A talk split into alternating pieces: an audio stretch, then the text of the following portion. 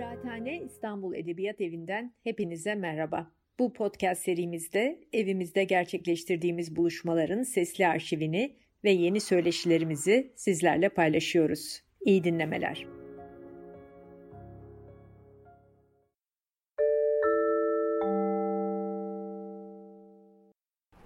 Merhabalar, Kıraathane'ye hoş geldiniz. Bu yeni sezon itibariyle Kıraathane'de yeni bir söyleşi dizisine başlıyoruz.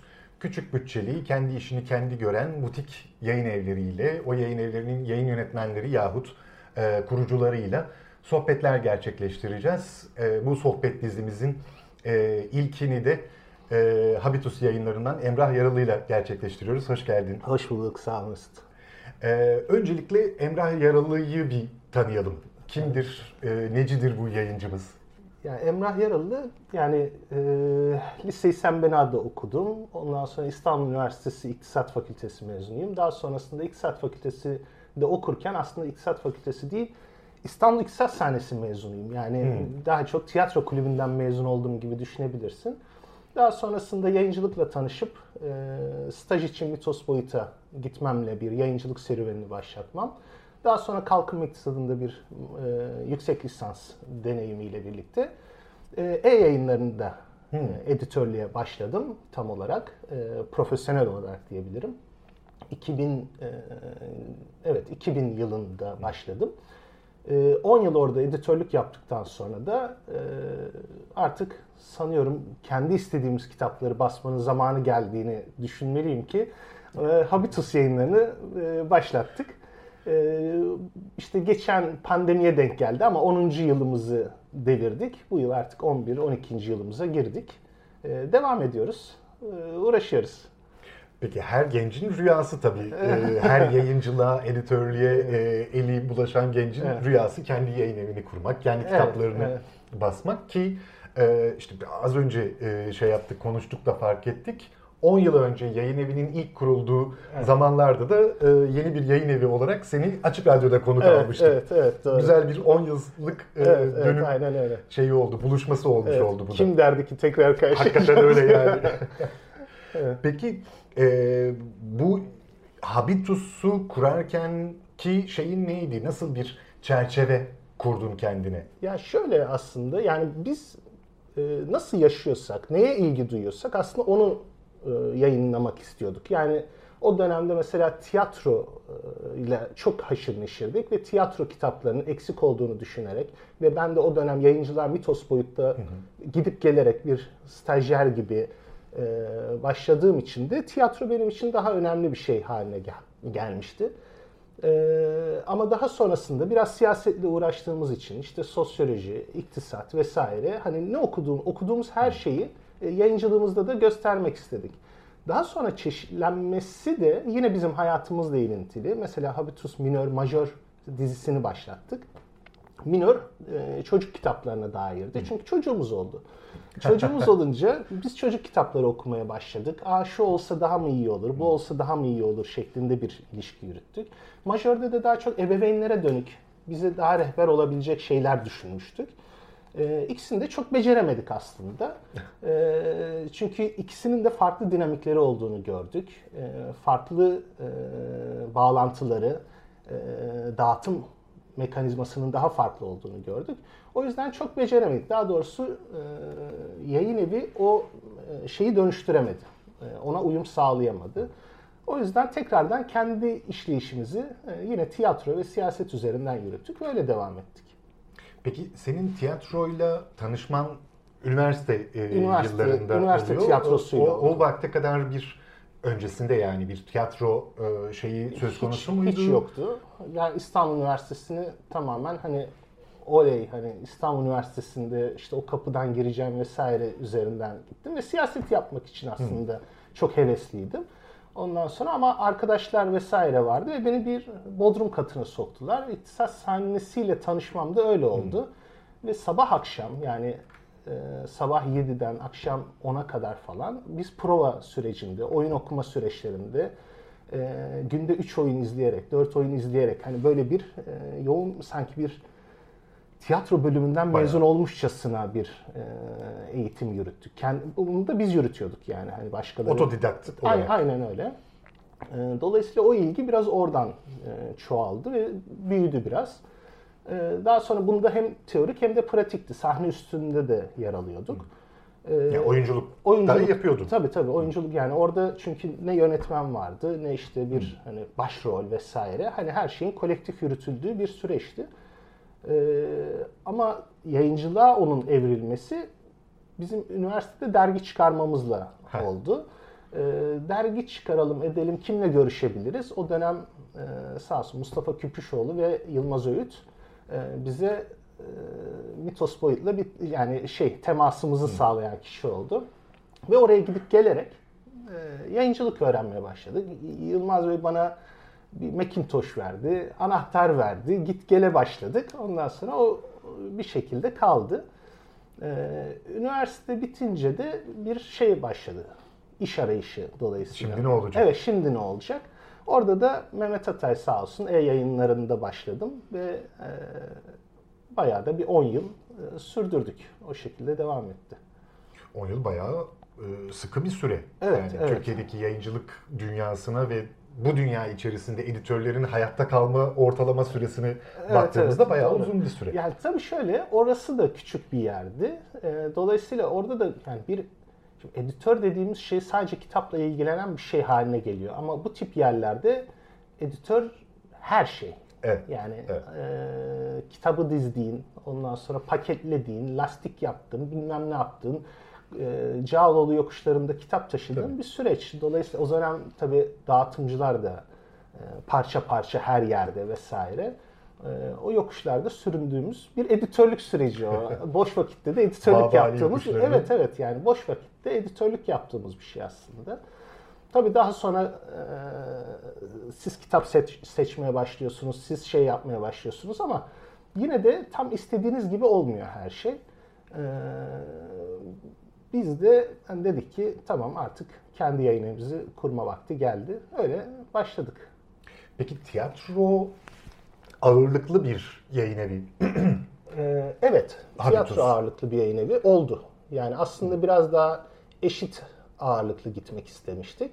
Ee, ama tiyatrodaki boşluktan herhalde ya da başka bir şey e, bizi daha çok tiyatro dosyaları gelmeye başladı. Dolayısıyla da hani evet çeviriler de çok yüksek e, dövizin artmasıyla vesaire birlikte sizi biraz daha geri çekmeye yol açıyor ve hani böyle bir akademik üretim e, sürecini biraz daha sekteye uğratıyor. Özellikle KYK'lardan sonra da hmm, üniversitelerin geri çekilmesiyle birlikte bizim tamamen aslında tiyatro odaklı olmamız biraz şey nasıl diyeyim gönderilen dosyalarla ilgili bir şey. Yoksa Biraz daha iki ondan, iki ondan, iki hani böyle bir şey düşünüyorduk. Birbiriyle bağlantılı, e, birbirini ezmeyen e, yayın evi kimliğinde de hani eşit şeyleri olsun istiyorduk e, ağırlıkları. Ama şu anda bir tiyatro ağırlığı mevcut, doğrudur. Yani hem oyun hem teorik olarak. Peki genel yani yayıncılık içerisinde neticede yine az önce de şey yaptığımız, konuştuğumuz gibi aslında bir kompozisyon işi yayıncılık dediğimiz şey. Yani ne tür kitapları bir araya getireceksin ve oradan bir toplam oluşturacaksın. Rafta yan yana hangi kitaplar yer alacak? Onun seçimi meselesi. Habitus bunları yaparken ilk başta nasıl, ne gibi e, şeylerin, ne derler ona, ölçülerin e, vardı? Yani biz şöyle bir şey yürüttük aslında. Başlarken e, tüm kitapların birbirine değmesini. Yani biz herhangi bir kitabı değil de öncekilerle ilintili mi? Ee, atıyorum tiyatro kitabı basıyoruz ama bastığımız e, uyduruyorum şimdi e, kapitalist gerçekçilik kitabıyla uyumlu mu? E, o onu birbirine bağlıyor mu? Diğer oyun kitabı bununla e, nasıl bir e, bağıntı içerisinde? Bunların hepsini tek tek dizdiğimizde mesela işte çocuk kitabı da keza öyle. İşte yeşil kapitalizm bastığımızda e, diyorsunuz ki ya çocuk kitaplarında o zaman bu tip şeylere dikkat etmemiz lazım vesaire. Yani bunların hepsini iç içe kurduğumuz bir süreç. Roman basıyoruz o zaman hani e, politik romanlara dikkat edelim. Ya da ne bileyim işte e, özgürlükçü kitaplar basıyorsanız romanda da o ona göre, ona göre bir seçim yapıyorsunuz vesaire. Dolayısıyla o çizgi sizi giderek e, genişletiyor. Yani hep birbiriyle değdiğini, birbirini değillemeyen kitaplar yaptığınız zaman o sizi genişletiyor. Ama bu tabii bir anlamıyla da bir fanus e, yaratma riski taşıyor. Tabii. Doğru. Onu onu e, aşmanın e, yollarını nasıl geliştirdiniz? Yani onu o aş- çok zor yani. Onu aştık mı bilmiyorum zaten. Yani dolayısıyla hani böyle bir aşmanın yolunu da bilmiyorum. Yani ama biz her seferinde bir sonraki çepere ulaşmak için bir kitap çıkarıyoruz. Dolayısıyla her kitabın kendi okuru olduğunu, e, geçmiş okurlarla birlikte de yenilerinin kazanacağını düşünen bir e, yayın eviyiz. Dolayısıyla Habitus da biraz aslında bunu işaret ediyor. Yani bizdeki olan şeylerle de ilgili bir şey bu. E, bir kısmını becerdik. Mesela şimdi tiyatro okumanın biraz daha edebiyat okumak olduğunu belki gösterebiliyoruz. Ya da daha çok kitap yayınlandıkça bunun tartışıldığını görüyoruz. Yani sadece bizim yaptığımız bir şey anlamında değil ama e, bunu görmek keyif veriyor. Oradan yola çıkarak romanları e, o şekilde değerlendiriyoruz. Dolayısıyla e, aştığımız bir şey değil ama her kitapta aşmayı umduğumuz bir şey. Bu anlamda e, kitap seçimlerini e, elbette ki daha çok okur için yaptığımız bir şey ama olmuyorsa da bir sonraki kitaba bakıyoruz. Yani o ama diğer yandan da diğer kitaplarımıza ihanet etmeden bir iş yapmaya çalışıyoruz. Peki o 10 yıl önceki muhabbetimizde de yine dönüp dolaşıp bunu konuşmuştuk diye hatırlıyorum. Ee, bu 10 yıl içerisinde özellikle tiyatro, oyun okuru e, açısından bir e, nasıl bir değişimden söz edebiliriz ya da edebilir miyiz? Yani tiyatro oyunları genelde çünkü Türkiye'de yayın evlerinin bir de onu da basıyoruz diye işte evet, senede bir tane, tane bir şey haline geliyor. Ha, evet. Yani hani yanda olan ve e, odakta hiçbir zaman olmayan bir yayın dizisi olarak görünür. Ama Habitus da daha e, odakta evet, e, evet. olan konulardan biri. Dolayısıyla e, okurla kurduğumuz ilişki de biraz onlar üzerinden kurulmuş Doğru. oluyor. Türkiye'deki tiyatro okur kitlesi ne durumdadır? Yani birincisi ben daha çok okunduğunu düşünüyorum. Hı. Ee, tahmin ettiğimizden. Evet, tahmin Hı. ettiğimizden daha ama bunun kitap alımına yansımasını gördüğümüzü söyleyemem. Bunu tamamen daha çok tartışılmasıyla ilgili Hı. gördüğümü söyleyebilirim. Yani gerek festivaller olsun, gerek hani böyle paneller vesaire bunların artışta olduğunu, e, tiyatro eğitimi veren e, yerlerin belki bu dizi sektörünün de bir e, şeyi olabilir, e, katkısı hı, hı. E, olabilir. E, bir oyunculuk serüvenine insanların girdiğini görüyorsun. Oyunculuğun en olmazsa olmazı tabii ki teknikleri vesairesi bir yanda oyun okumanız gerekiyor her şeyden tabii, önce. Tabii. Yani bir sahnelemeyi görmek, dili görmek, ondan sonra işte ne bileyim bir şey üzerine çalışmak. E, oyun okumak çok eğitici bir şeydir. Yani herhangi bir temrin çalışmaktan da aslında bir farkı yoktur diğer yandan. Ama bizde bazen öyle gözükmüyor. Ama ben yeni kuşağın gerek e, bence yurt dışı kaynakları da takip ediyorlar. E, daha iyi olduğunu düşünüyorum. Yani daha çok araştırdıkları, en azından oyunculuk yöntemleri açısından bir tercih yaptıklarını, e, sadece tırnak içinde yine bir kamera e, oyunculuğun ötesinde bir oyunculuk yapmaya çalıştıklarını görüyorum. Dizilerde de bence bu fark ediliyor diye düşünüyorum. Hani e, sahne üstünde zaten fark ediliyor. Çünkü birçok topluluk kuruluyor. Yani evet. e, birçok yeraltında hani ikili, üçlü hani bir sürü e, oyun çıkıyor aslında. E, takip et yani görmediğimiz vesaire. Pandemi öncesinde sadece İstanbul'da 150 kadar tiyatro grubu vardı tabii, mesela. Tabii doğrudur. Yani, yani ki bu sadece hani bilinen vesairedir tabii, yani hani tabii eminim ki liseden Sadece mezun İstanbul olmuş. için söylüyorum. Tabii tabii yani, yani liseden mezun olmuş. O oranın tiyatro kulübünde olan 2-3 kişi mutlaka başka bir şey bir yerlerde bir şey yapıyordur. O o nüve var yani. Dolayısıyla ben e, orada e, bir e, nasıl diyeyim bir şey görmüyorum. E, olumsuz bir, bir eksiklik görmüyorum. Ama ben mesela tiyatro yani kendi eksikliğimizde daha sık daha çok üretmek gerektiği üzerinde e, şey yapıyorum yani duruyorum aslında. Yani bizim gücümüz o kadar olmadığı için bunu yapamıyoruz. Yani yılda atıyorum 5 tane 6 tane tiyatro kitabı yayınlıyoruz. Ondan sonra yani okuma hızımız vesaire bunlar çok yavaş tabii ki. Ee, bir de biraz daha özen göstererek basmak istediğimiz için de e, biraz daha ağırdan aldığımız bir şey haline geliyor. Peki diğer taraftan e, oyun yazarlığı, yerli oyun e, bulamıyoruz cümlesi hep tiyatrocular arasında şeydir. Yani e, dönüp dolaşıp hep yabancı oyunlara, çeviri oyunlara vesaireye e, düşeriz. E, bir türlü yenilerde e, oyun yazarları çok da, da çıkmıyor diye hep konuşulur. Ee, öyle mi bir yayıncı olarak nasıl görüyorsun? Ben bilmiyorum. Ama yani size gelen dosyalar yani, ve sizin e, yayın evet, tercihleriniz yani, açısından. Bence oyun yazılıyor tabii ki yani. Hani böyle bir bence bir üretim eksik bence fazlası bile var. Hmm. Yani üretim fazlası bile var. Ama buna bunda yakınılacak bir şey yok. Yani e, ne kadar üretilirse o kadar iyi. E, son kertede yazmak iyi bir şeydir. Ama okumadan yazdığımız zaman sıkıntı orada başlıyor. Şimdi yeni herkes yeni bir şey yazdığını, herkes yeni bulduğunu düşünüyor bir şeyi. Evet. Ee, sahnelemeyi yeni bulduğunu düşünüyor. Bu da bence bazen bu daha çok e, yeni yazarlarda değil. Çünkü yeni yazarların genelde yurt dışı ile bağlantısı mutlaka oluyor. Ha. Evet. Yani ama biraz daha benim kuşağı belki bir sonraki kuşağa baktığımızda ilk onun yaptığını zannediyoruz. İlk onun e, gündeme getirdiğini düşünüyoruz vesaire. Bu bizde tabii bir şeye yol açıyor. Reddetmeye, hmm. kabul etmeye ya da diğer taraftaki hani şeyi çok beğenmeye yol açıyor. Yani bu hep uçlardayız. Yani her şeyde ya yermeye ya övmeye inanılmaz teşne bir yapımız var. E, bence zaten hani takip edildiğinde görülecek ki ne övmeye gerek var ne yermeye gerek var. Evet.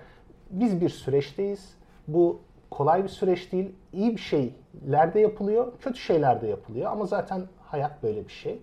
Ee, bize kalan bunların değerlendirmemek yerleri. Şimdi az tiyatro basan yer olduğu için az kişi değerlendiriyor. Evet. Şimdi bir de hani şunu diyebilirsiniz ya sen kimsin ki benim oyunumu değerlendiriyorsun tadında. Haklı çok net bir şey yani. Ee, ben tabii kendi beğenilerimle, kendi değerlerimle, habitus uygunluğuyla değerlendiriyorum. O belki başka bir başka bir şey görebilir orada. Ona hiçbir şey diyemem. Ee, o yüzden insanlar hani kendi yazmaktan da vazgeçebiliyorlar. Bu en çok korktuğum da şeylerden biri oluyor. Hmm. O yüzden tüm maillerde devam hani şey falan hani böyle devam edilmesi. Yüreklendirici. Evet yani çünkü e, zaten e, bunun üzerinden yani bir yayın evinin misyonu da diğer yandan bu olmalı. Yani insanları köreltip senin yaptığından bir şey olmaz falan diyecek halimiz yok yani. Ee, ama ne kadar otoriteyiz? Kendi yayın evimiz kadar otoriteyiz. Kimse o kadar hani e, şey demesine gerek yok ya olmuyor ya da şey değil falan. Çünkü her şeyi okumuyoruz, her şeyi görmüyoruz. Ee, dışarıda bir dünya var, içeride var, kendi içimizde bir dünya var. Dolayısıyla e, o mekanizma çok işlemiyor bizde. Yani o yüzden bilmiyorum. Yani neyin ne olduğu ancak üretim sürecinde ortaya çıkıyor. Sahnelendiğinde bazen ortaya çıkıyor. Yani bu tek başına bir yayın evinin söyleyebileceği bir şey değil gibi geliyor. Yani total bir kültür sanat alanına bakıp e, söylemek gerekiyor gibi geliyor. Doğru evet yani onun içerisinden görmek, değerlendirmek evet, evet. gerekiyor. Evet. Peki e, şimdi 10 yıl kadar önce 11-12 yıl e, önce Habitus'u e, kurarken öyle tek tabanca idin. Hı hı. Şimdi üzerinden 10-11, 11-12 yıl geçmiş oldu. Ee, Tek tabanca. Şey ne? E, rakam şimdiye kadar kaç kitap yayınladı Habitus? Ee, 95 falan yani 100'e geldik. 100'e geliyor. Yukarı. 10 tane de dijitalimiz var. 100'ü geçtik o anlamda. Oo şahane. Evet evet. Şahane. Peki bütün bu süreç içerisinde e, işte hani ekip, editör vesaire yani Habitus'un şeyi nedir? Bir e, kitap ortaya çıkarken nasıl bir ekip çalışması hala tek söz taban, Hala tek tabancayım. yani bence bizim gibi yapıların en büyük problemi bu gibi evet, geliyor evet. bana. Ee, ve bizim hani aşmak zorunda olduğumuz süreçlerden biri bu. Ki zaten bence pandemiyle birlikte bu aşılacak. Ya batılacak zaten ya evet. başka bir evreye geçilecek. Evet. Evet. Ee, ama böyle yürümeyeceği çok kesin. Çünkü yani tek kişinin yapabileceği şeyler çok sınırlı ve Dolayısıyla Habitus'un yaptıkları da sınırlı kalmış oluyor. Ve bu da ilk kurduğumuz süreçteki arzulamadığımız bir şey. Ee, dolayısıyla evet ekibimiz şöyle var. Arkadaşlarımız var, dostlarımız var, e, önerenler var. Ben bir bakayım diyenler var. Hani bunun üzerinden yürüyor elbette ki. Ama kitap seçiminden tut, okuması, redaksiyonu, şusu busunu dediğinde hala tek tabancayız. Bütün o e, süreç, kabul ve dosyanın değerlendirme vesaire tabii, tabii, süreci tabii, tabii, tabii. tamamen sende. Aynen.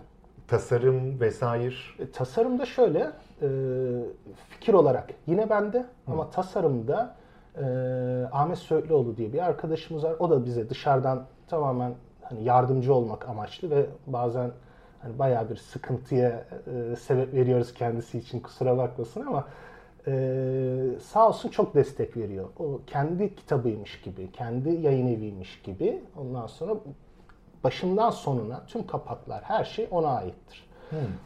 Dolayısıyla da bizim işimizi o anlamda çok rahatlattı. Evet. Ve karşılıklı konuş. Ama hani dersen ki tasarım dedi, mesela arkalı önlü olması vesairesi onlar hani bana ait. İş tasarımda gene aynı şekilde yine bir arkadaşımız dışarıdan başka işi olmasına rağmen e, bizim araya sıkıştırdığımız e, şunu da hani yaparsan falan diye dediğimiz. Elindeymişken. Evet evet ondan sonra ha bitti mi o zaman şunu da falan dediğimiz bir arkadaş e, Murat Kaspar. Ee, o da başka bir sürü işinin yanında hani bu bize destek olan e, kişilerden biri. Ee, o şekilde bir ekibimiz var tabii ki. Hatır gönül ekibi. Hatır gönül ekibi evet yani bir saz ekibimiz var. Ondan sonra ama onun dışında e, evet bir e, içeride başka bir editörümüzün olması, ondan sonra dijital kanallarda başka bir yapımızın olması, e, dağıtımı takip edecek başka bir yapımızın olması gereken işler bunlar tabii ki. Ama şu anda yok. Dağıtım meselesinde de biz Punto kitapla çalışıyoruz sağ olsunlar. E, Birçok yükümüzü alıyorlar ve hani e, belki onlar olmasaydı Habitus zaten olmazdı yani. Çünkü ben bir yayın evinin varoluş sürecinin sadece dağıtımdan neredeyse geçtiğini düşünen biriyim. E, Dolayısıyla o süreçte paydaş mı deniyor ona ya da Evet. dostlarımız Evet. diyelim. Ondan sonra on, onların yardımıyla olan bir şey. O yüzden tek başıma da diyemiyorum. Evet tek başıma da diyebilirim o anlamda. Eyvallah. E, evet yani aşağı yukarı e, böyle bir şeyle Evet. geçiyor Türkiye'de. Küçük butik Evet. e, yayıncının kaderi hakikaten ömrün boyunca o kitapların her şeyiyle e, ilgilenerek. Evet yani sırtında sürekli bir koliyle ama Tabii. matbaaya ertesi hafta yetiştirmen gereken bir çeviriyle uğraşmak vesaire. Bu biraz yani e, yorucu bir şey haline geliyor. E, hele yani kitap çıktıktan sonra onun takibi vesairesi yani kitaptan daha ağır bir süreç aslında bunlar yani. Dolayısıyla da bizim artık yavaş yavaş kaldırmakta çok zorlandığımız bir yük haline geldi.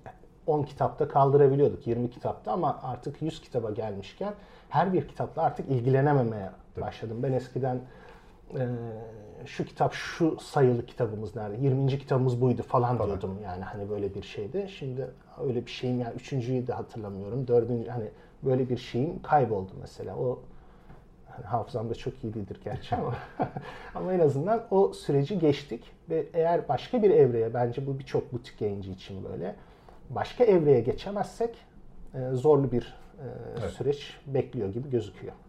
Evet kesinlikle e, aynı kanaatteyim. Yani bütün Türkiye'deki zaten kültür hayatımızın tamamı bir koca e, transformasyonun içinden e, geçiyor ama bu dijitalleşme ile birlikte yayıncılar hakikaten ciddi bir e, yol ayrımına Ha. doğru e, gidiyorlar galiba ama e, çok da ne yapılacağının belli olduğu bir dönem değil sanki. Değil. Herkes yani bence dünyada da belli yani. değil. Evet. Yani dünyada evet. da belli değil. Herkes bir arayışta, herkes bir konuşma sürecinde, tartışma sürecinde.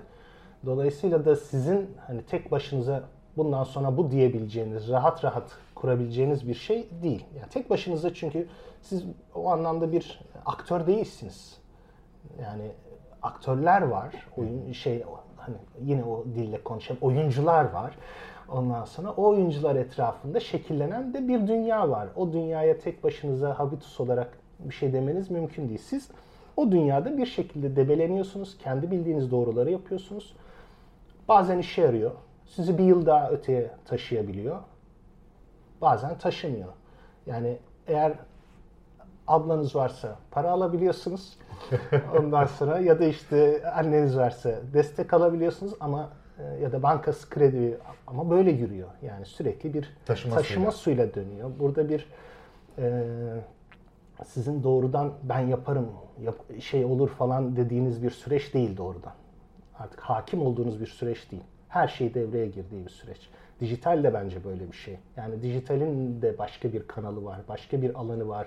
Şimdi bizim 10 tane diyelim dijital kitabımız var. Galata Perform'la birlikte yaptığımız e, satış rakamları yani şaka gibi 5 6 yani toplama 10 kitabın söylüyorum yani hani. Oo, evet de. yani her birinin 5 6 falan değil yani.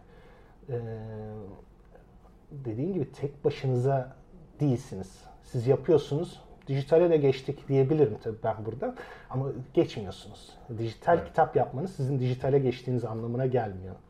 Ee, ya da işte ne bileyim e, bir YouTube programı yapmanız sizin yayıncı olmanız anlamına Anladım. gelmiyor şeklinde.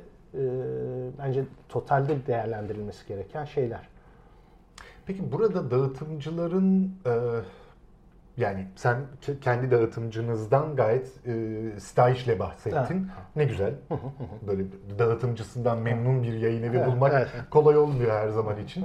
e, yayıncılıkla bu dağıtımcılığın ilişkisi bugünkü e, durumumuz, habitus'un geleceğine dair ne söylüyor? Dağıtımcılık meselesi tabii bugünün meselesi değil. Yani oldum olası bir evet. mesele haline gelmiş durumda ve giderek tekerleşmelerle birlikte de bence çok can sıkacak bir mesele haline iyice gelecek. Yani çünkü bu sadece dağıtım demek sadece kitabın dağıtılması anlamına gelmiyor. Ee, kitap evleri anlamına da geliyor. Şimdi kitap evlerinin kapanması sizi Zaten. tek bir kitap evlerine kitap evine yönlendiriyor diyelim. Bir zincir etrafında varsa tek tük ya da Anadolu'nun belli yerlerinde e, tek tük kalmış hani Don Quixote işler yapan yerlerin dışında belli bir zincire şeysiniz. E, Tabii. Tabisiniz. Dolayısıyla da o, o, onun da çektiği yerler e, işte dağıtımcılar bizde dağıtımcı yayıncılık da yapıyor. Şimdi evet. bizde her şey her şey yani evet. e, işte ne bileyim mesela ben şimdi tiyatro yapıyorum. 5 yıl sonra benim sattığım bir kitabı hiç tiyatro yapmamış biri başlayabilir, hemen Hı-hı. alabilir. Yani bu çok garip bir şey gibi geliyor. İnsanların her şeye sahip olma arzusu. İşte yayıncılık yapıyoruz. E kendi kitabımızı dağıtalım. E kendi kitap evimizi kuralım. Yani o zaman bir tek yani tek sesi yayıncılık dediğimiz şey böyle bir şey değil. Ee, kitap seçimleri böyle bir şey değil. Küçük, küçük yayıncılar aslında o çeşitliliği sağlayan Kesinlikle. şeyler. Ee, yoksa büyük yayın evleri de baktığınızda bazen tek düze gidebiliyor ya da işte ne bileyim o kanalları açan yani tiyatroda da böyledir. Ana akım bir tiyatro vardır. Ama o yer altındaki az önce Show bahsettiğimiz dünyası. evet ama 150 tane yayın evi bir şey, yayın evi diyorum e, tiyatro topluluğu size öyle bir şey yapar ki siz onu takip ettiğinde aslında sizin altyapınızı oluşturup yeni estetiği oluşturan e, yapıyı oluştururlar. Bence yayın evleri de böyle bir şeydir. Yani sizin kitap kapağı dönüşümünü yaptığınız zaman birçok yayın evi aynı kapakları basarken sizden görüp küçük yayıncı olmanıza rağmen kapaklarda yepyeni bir şey olarak ortaya çıkabilir. Yani e, her şeye sahip olmak iyi bir şey değil her zaman. E, ama bizde dağıtım da böyle işlediği zaman, kitap evi de böyle işlediği zaman e, siz artık tek sesliliğe e, gidiyorsunuz. Çünkü dağıtım dediğiniz şey kitabın dağıtıldığı bir şey kitabınız dağıtılmıyorsa orada bir tuhaflık, orada bir tuhaflık var. Çünkü ben çok gördüm. Ee, yeni çıkan kitabımızın dağıtımına hiç çıkmadığını e, eski çalıştığım yerden yola çıkarak söylüyorum. Hiç dağıtıma çıkmadığını, kimin nereye ne verdiğini bilmediği, kimin nereden ne iade aldığını bilmediği. Punto'yu niye seviyorum? Nereye ne gitti? Ne kadar geri geldi? Yani oradan bir sosyoloji çıkarabilirsiniz. Tabii. Oradan bir e, coğrafik şey çıkarabilirsiniz. Hafıza yerleştirebilirsiniz. Ha, burası, şurası vesaire. Tabii. Ona göre bir strateji kurarsın Evet, yani ben mesela giderim oraya ve oradaki ilişkimi daha fazla geliştirebilirim vesaire. Ama bizdeki dağıtımda öyle bir şeyimiz yok. Her yere her şey gidiyor. Kaç tane gittiği belli değil. Kaç tane geldiği belli değil. Dağıtıldı mı dağıtıldı. Ama dağıtılmamış. Ama yani. Yok yani. E, ben kitabı depoda biriksin diye basmıyorum sonuçta. Ve bu sadece dağıtım kısmı. Bunun bir de ödeme kısmı var. Tabii. Yani Asıl- evet yani kitap basıyorsunuz varsayımınız şu. Ee, ben 300 kitap satarım en azından matbaanın şunu öderim, o kirayı öder vesaire bir hesap kitap yapıyorsunuz. Ama o hesap uymuyor. Çünkü 4 ay sonra alacağın şey 6 aya çıkıyor. 6 ay 2 aya daha ekleniyor. Tabii. Ek yeni kitap için bir şey daha veriyorsun atıyorum zamanlama. öbüründen düşüyor. O öbüründen düşüyor. Hop bir yıl oldu. E, bir yıl sonra da alabilirsin. Şimdi bu sürdürülebilir bir şey değil. Bunu kendi Punto için söylemiyorum. Punto her şey çok net. Bence Punto'nun kuruluş şeylerinden biri de bu. Ben en güzel tarafı da bu. Kim nereye ne satıyor, kim ne zaman ne ödeyecek. Bunların çok net olması lazım ve bence bu e, sektörleşme dediğimiz şey aslında burada ortaya çıkıyor. Bunları eğer bilebilirsek ona göre kitap çıkarız. Ona göre e, bilgilendiririz insanları. İnsanlar Habitus'tan o zaman bir kitap talep eder ya da şunu da bas, biz şu zaman okuyalım vesaire. Hani bunların hepsi karşılıklı ilişkiler üzerinden kurulu şeyler. E, o yüzden dağıtım yayın evinin her şeyi. Yani atlanılan bir şey. İki editörle, çok iyi iki editörle, iki İngilizce bilen, üç Fransızca bilenle çözülebilecek bir yayıncılık evet basılabilir. Hepsi çok güzel kitaplar çıkabilir ama dağıtım olmazsa görebileceğin bir kitap olmayacaktır yani. Tabii o yoksa kapalı devre. Yok. Kendi kendine istediğin kadar muhteşem kitaplar Aynen, yayınla. aynen Okura ulaşmadıktan Ha, sonra. Karanlıkta oyun oynamaya benziyor. Ee, yeri e, gelmişken, esprisi gelmişken şeyi de şöyle kameraya doğru da göstereyim. Ee, yemin ederim aklıma gelmişti dediğimiz türden bir şey. Habitus'un böyle bir, dur bakayım şöyle, dur şöyle ters gösteriyorum değil mi? Şöyle düz, şu Evet. şekilde e, önlü arkalı e, iki oyunu birlikte basmak gibi bir e, Evet. yeni yayın şeyi var. Bu senin fikrin. Evet, evet. Yani Olarak. O da tamamen işte biraz deneyimle ilgili bir şey. Ee, kapakları biz hep afiş gibi düşünüyoruz, afiş gibi tasarlıyoruz. Ee, oyunların da aralarda kaybolduğunu hep düşündük. Ee, yani iki oyun alt alta yazdığımızda e, oyunları ifade eden, onları e, öne çıkaran bir imaj vesaire olmuyor. İkisini birden Evet. yapmak o iyice imkansız. İmkansız yani. Çok zor bir şey. Ya ilgisiz bir uyduruyor perde konur, ya maske konur, ya başka bir şey konur. Bunu aşmak için acaba ne yapabiliriz? Ee, arkalı önlü yapalım bir fikri doğdu. Ondan sonra içinde çizgiler yaptık. Çünkü biz not alırdık ee, Evet, şeylere.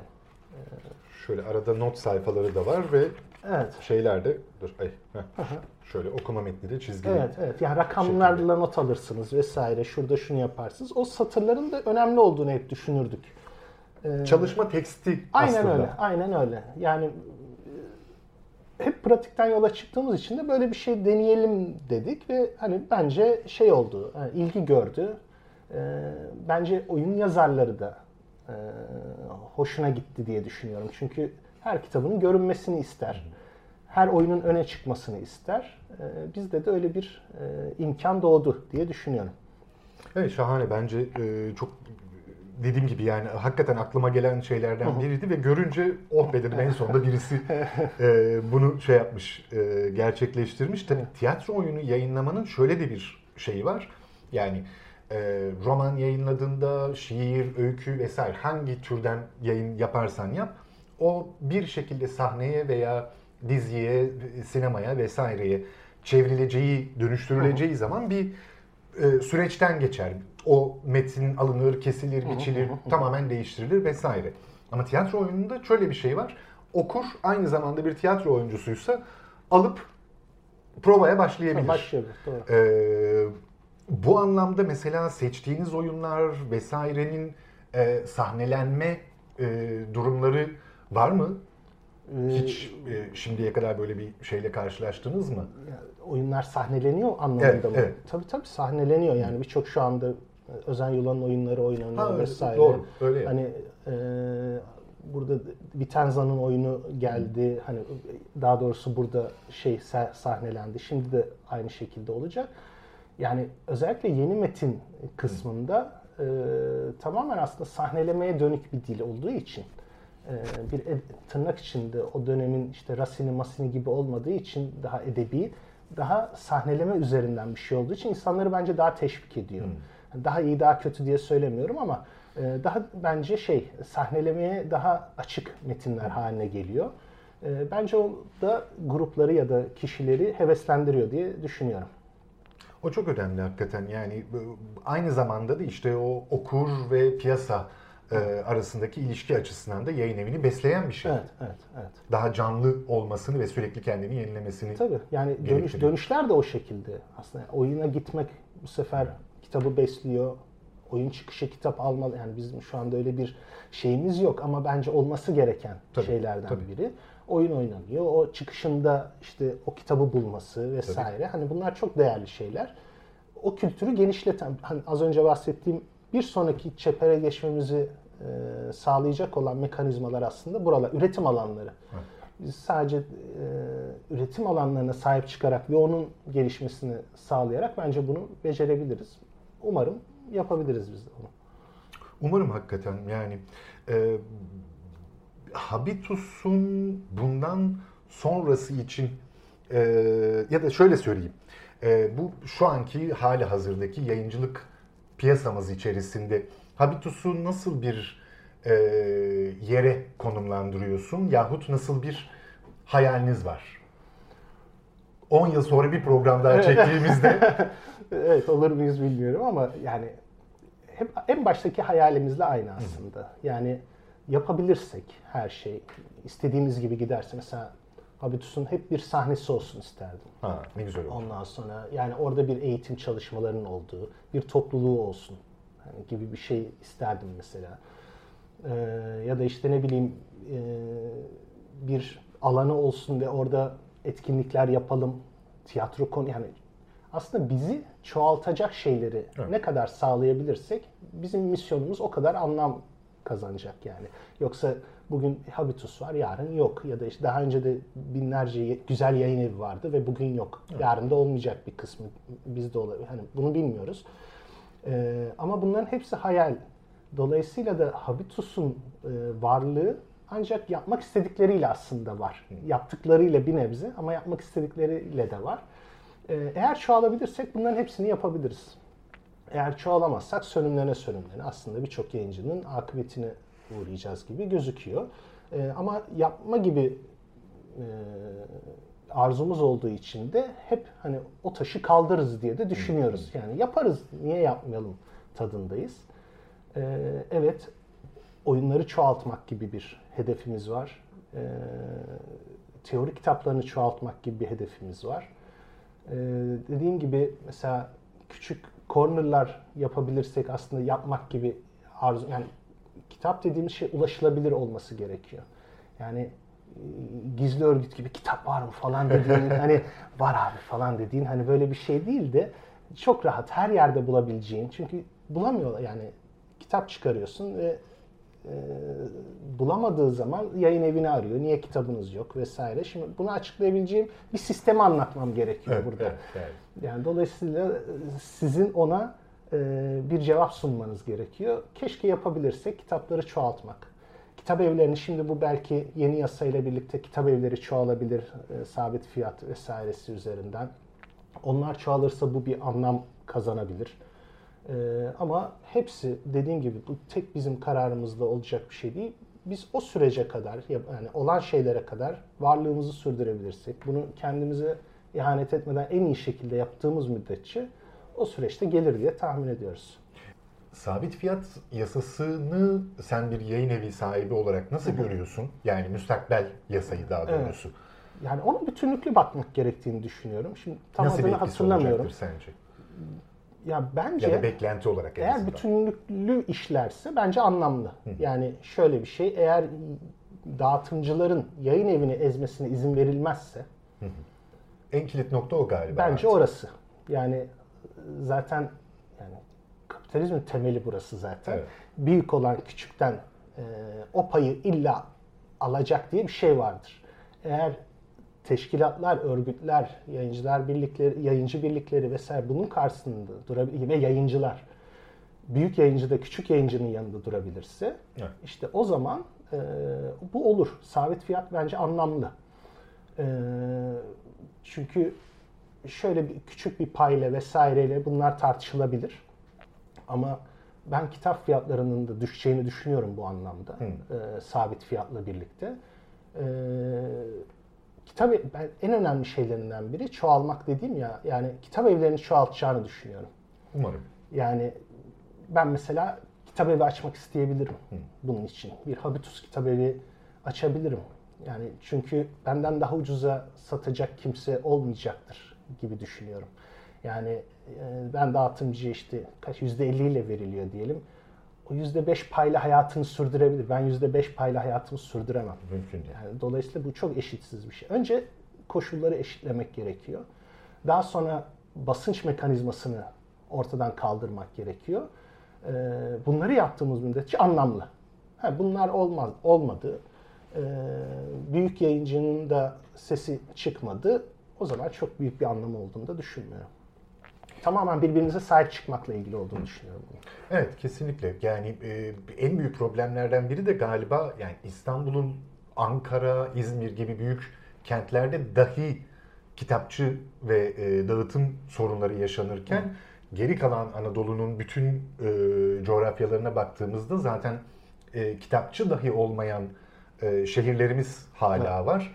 E, kitapçısı olanlara da erişim, e, kitabın ulaşması vesairesi ciddi bir Aynen öyle. E, problem. Evet, evet. Yani 80 milyonluk bir e, ülkede bunca yayın evinin olduğu ve bunca kitabın e, basıldığı bir e, dünyada aslında çok küçük rakamlardan bahsediyoruz hala.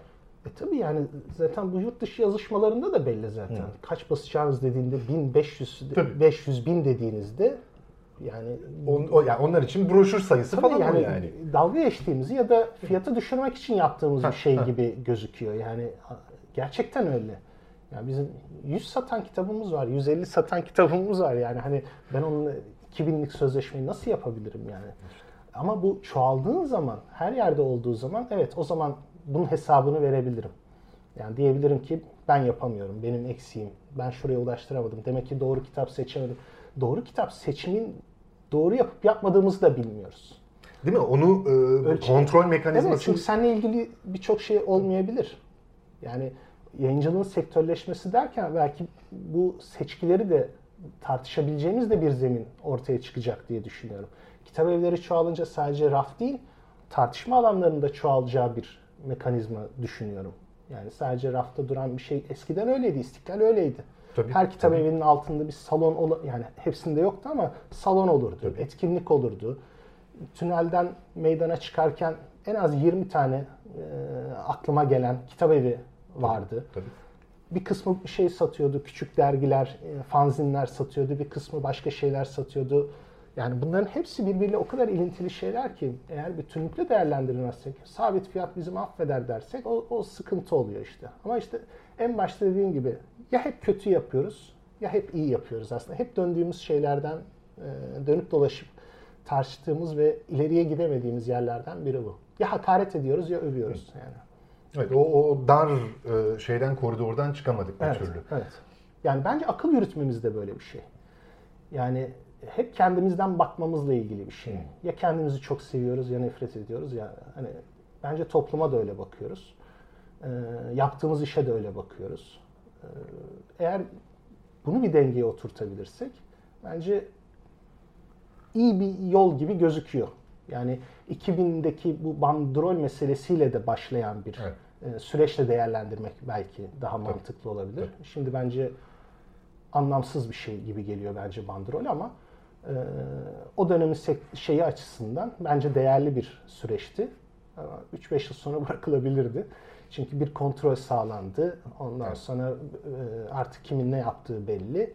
E, oradan belki artık bu sabit fiyatla birlikte bunlar da düşünülerek iş yapılabilir diye düşünüyorum. Evet yani yayıncılığımızın hakikaten alması gereken daha bir e, mesafe var. O onu net olarak görüyoruz galiba. E, ama anca işte böyle e, Habitus gibi küçük, kendi işini kendi gören, evet. E, amelesi butik, ve CEO'su olan, amelesi yani, ve CEO'su olarak evet. e, çalışılan o öyle bir e, emek süreciyle kitapların ortaya çıktığı yayın evleri e, umarım bundan sonraki e, süreçte yaşamaya devam ederler. Büyümeye en azından kendilerini okurla daha fazla, daha rahat, e, ferah ortamlarda buluşabilir Yani bu bir kitabı bile tartışamıyoruz mesela yani. En- en büyük sorunlardan Yani bir kitap çıkarıyoruz ve onu tartışamıyoruz. Onun üzerinden gidemiyoruz. Yazarlar için de bu böyle. Tabii. Yani o yüzden hani daha çok bir araya gelmeli, daha çoğalmalıyız gibi geliyor. Birbirimizi eksiltmekten ziyade e, daha çok çoğalmalıyız gibi geliyor. Eyvallah. Çok çok teşekkürler. Ben teşekkür ederim İlk çağırdığın e, için. konuğumuz olarak ol, geldiğin için sağ ol. 10 yıl sonra e, bir şey olmuş oldu. Evet, Yenileme, sohbet, muhabbet yenilemesi Evet. olmuş oldu. E, efendim yayıncı söyleşilerimizin ilkinde Kıraathane'de e, bu ay Habitus yayınlarından Emrah Yaralı ile birlikteydik. Habitus'un e, hikayesi ve yayıncılığımız üzerine sohbet etmeye çalıştık. Başka bir yayında tekrar bir arada olmak üzere. Herkese iyi günler.